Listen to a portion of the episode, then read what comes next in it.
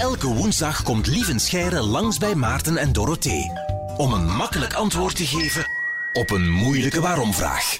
Dag Lieven, goedemiddag. Een goedemiddag. Hey. Jij komt sinds september elke woensdag langs. Ja. Ehm, jouw kindjes zijn dus zelf ondertussen ook bijna een jaar ouder. Mhm. Eh, merk je iets aan hun waarom-fase? Is die aan het veranderen?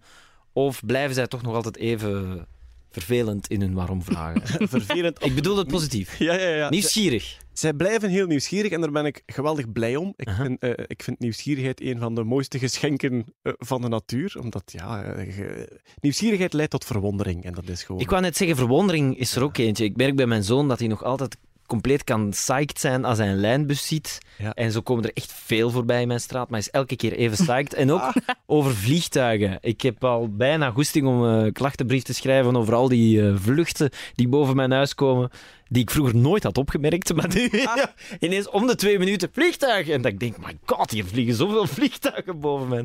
Hij heeft ze allemaal gezien. Hij is zo verwonderd elke keer. Dat is fantastisch. Zeg, zal ik de vliegtuigen voor u ook eens spannender maken? Oh, Je moet gewoon een app downloaden.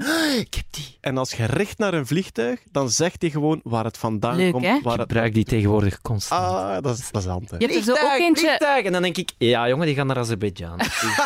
Die, die gaat van Jemen naar Londen onderweg. Dat is fantastisch. Eenzelfde soort app voor sterrenbeelden ook. Die vind ik Ja. ook super cool. Moet je die gewoon Ja. zo omhoog houden en dan zie je welk sterrenbeeld het is. Maar Lieven heeft het over Flight Radar 24. Dat, is hem, hè? Flight Radar. En die voor de sterren is een star chart. Start Ja. chart. Ja. Ri- Richten op een sterrenbeeld en dan zegt hij wat het Dat is. is heel Voilà, tof. met apps zijn we toch nog even verwonderd als Ja, ja. onze kinderen. Ja, want hoe oud zijn je kinderen nu? 9 en 10. Oké, en, in en welke, eentje, een- eentje van drie, maar dat is een andere fase natuurlijk. en in welke zin verandert het dan als ze ouder worden?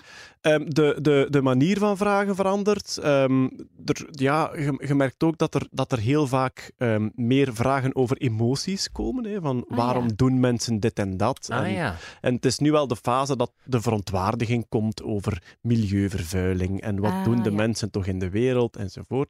Ehm, en qua, qua interesse in de, in de natuur en de dingen om hen heen, eh, vind ik het fantastisch om te zien dat ze zelf beginnen opzoeken. Want dat is, ja, dat is toch zeker in deze tijd van informatie en internet, Mhm. vind ik dat een van de belangrijkste dingen die je aan je kinderen kunt meegeven. ja. Zelf opzoeken hoe het werkt en kritisch zijn over wat je vindt, is misschien Hey. nog de belangrijkste. Ja. Je zoekt iets op, je leest het en daarna denk je direct: wacht, wat is de bron? Van waar komt het? Vind ik daar nog een andere bron van? Is dat iets wetenschappelijk of is dat iets zeer licht entertainend? Dat is eh, ja, belangrijk. Ja. Om zo wat in, in de sfeer van kindjes en papa's en ouders te blijven, hebben wij eh, de vraag van Zoe eruit gekozen. Haar mama Ine heeft die doorgestuurd. Hallo, ik ben Zoe en ik heb een vraag voor lieve Scheire. Waarom worden sommige papa's kaal en andere niet? Een zeer boeiende vraag. Op een stukje van de vraag is al een antwoord. Op een stukje van de vraag is eigenlijk nog geen antwoord. Vertel. Ehm, waarop is er nog geen antwoord? Wat is de functie van kaal worden van de man in de natuur? Dus ehm, we zien bij de menselijke populatie dat er mannen bestaan die vrij jong kaal worden en mannen bestaan die niet vrij jong kaal worden. Normaal gezien, als twee eigenschappen bestaan en eentje daarvan heeft een groot voordeel over de andere, dan zou die tweede moeten verdwijnen. Omdat je generatie na generatie de mannen die er het best uitzien of die een soort voordeel hebben, zouden moeten overleven en nakomelingen maken.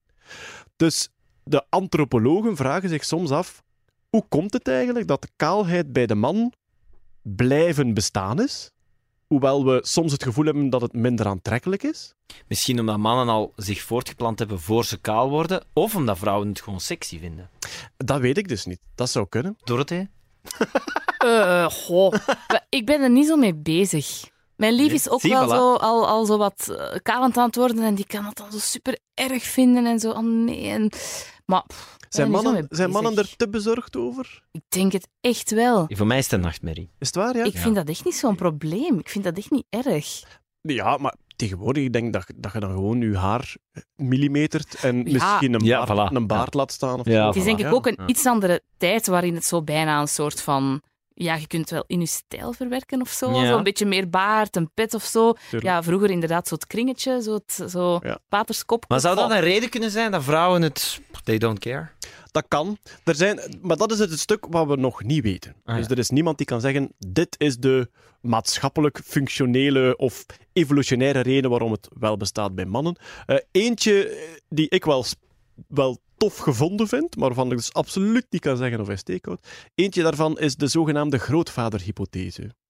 En de grootvaderhypothese eh, hangt een beetje samen met de grootmoederhypothese die voor de menopauze gebruikt wordt. Hè. Dus de menopauze, het is echt een, een open vraag in de evolutie.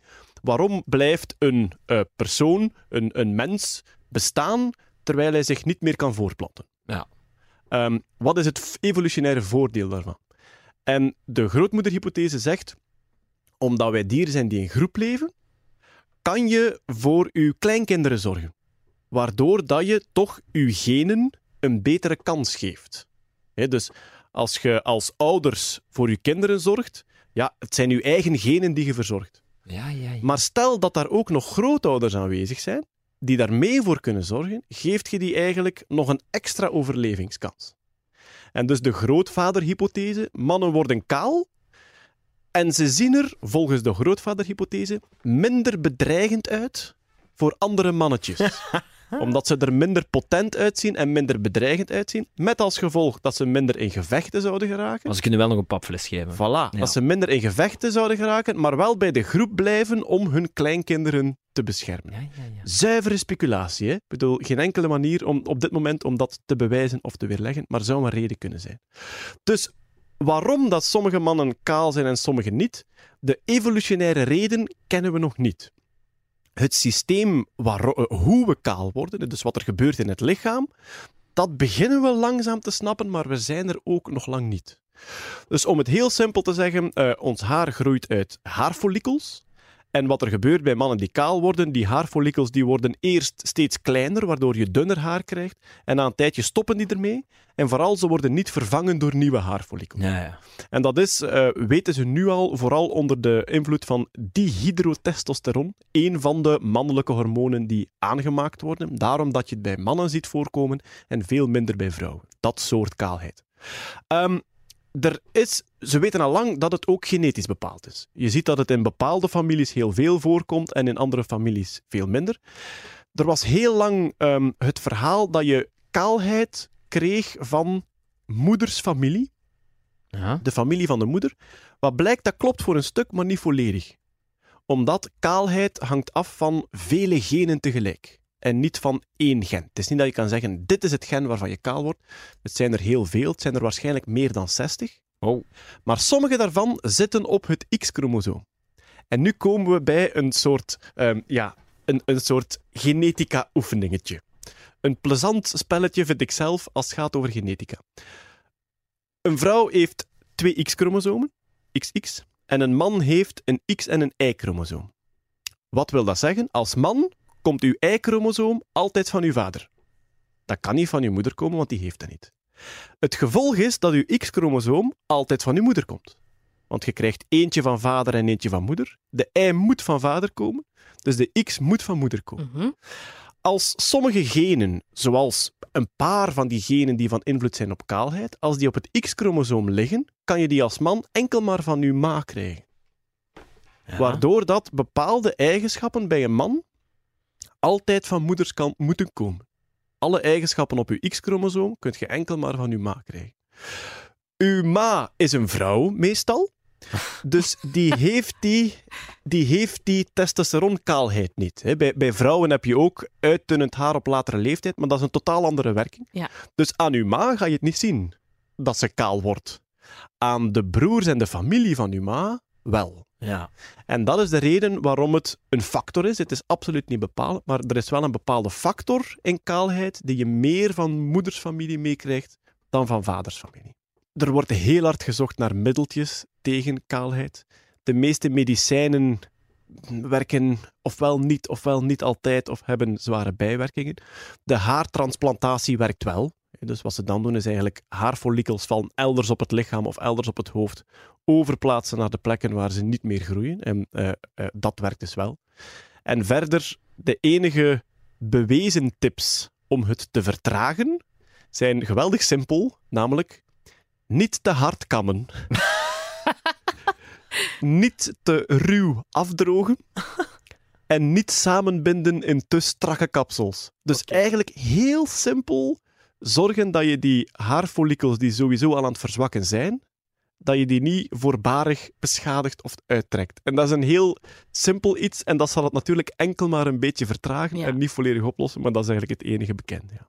En als het ooit zover is, Maarten en Lieve, ik zal jullie eh, nog ongeveer even sexy vinden. Merci, lieve. Ook een leuke waarom-vraag gehoord waar je zelf het antwoord niet op kent? Stuur ze zeker door via de Q-app met de hashtag waarom daarom. En dan beantwoordt Lieven Scheire jouw vraag misschien volgende woensdag al. You make us cute.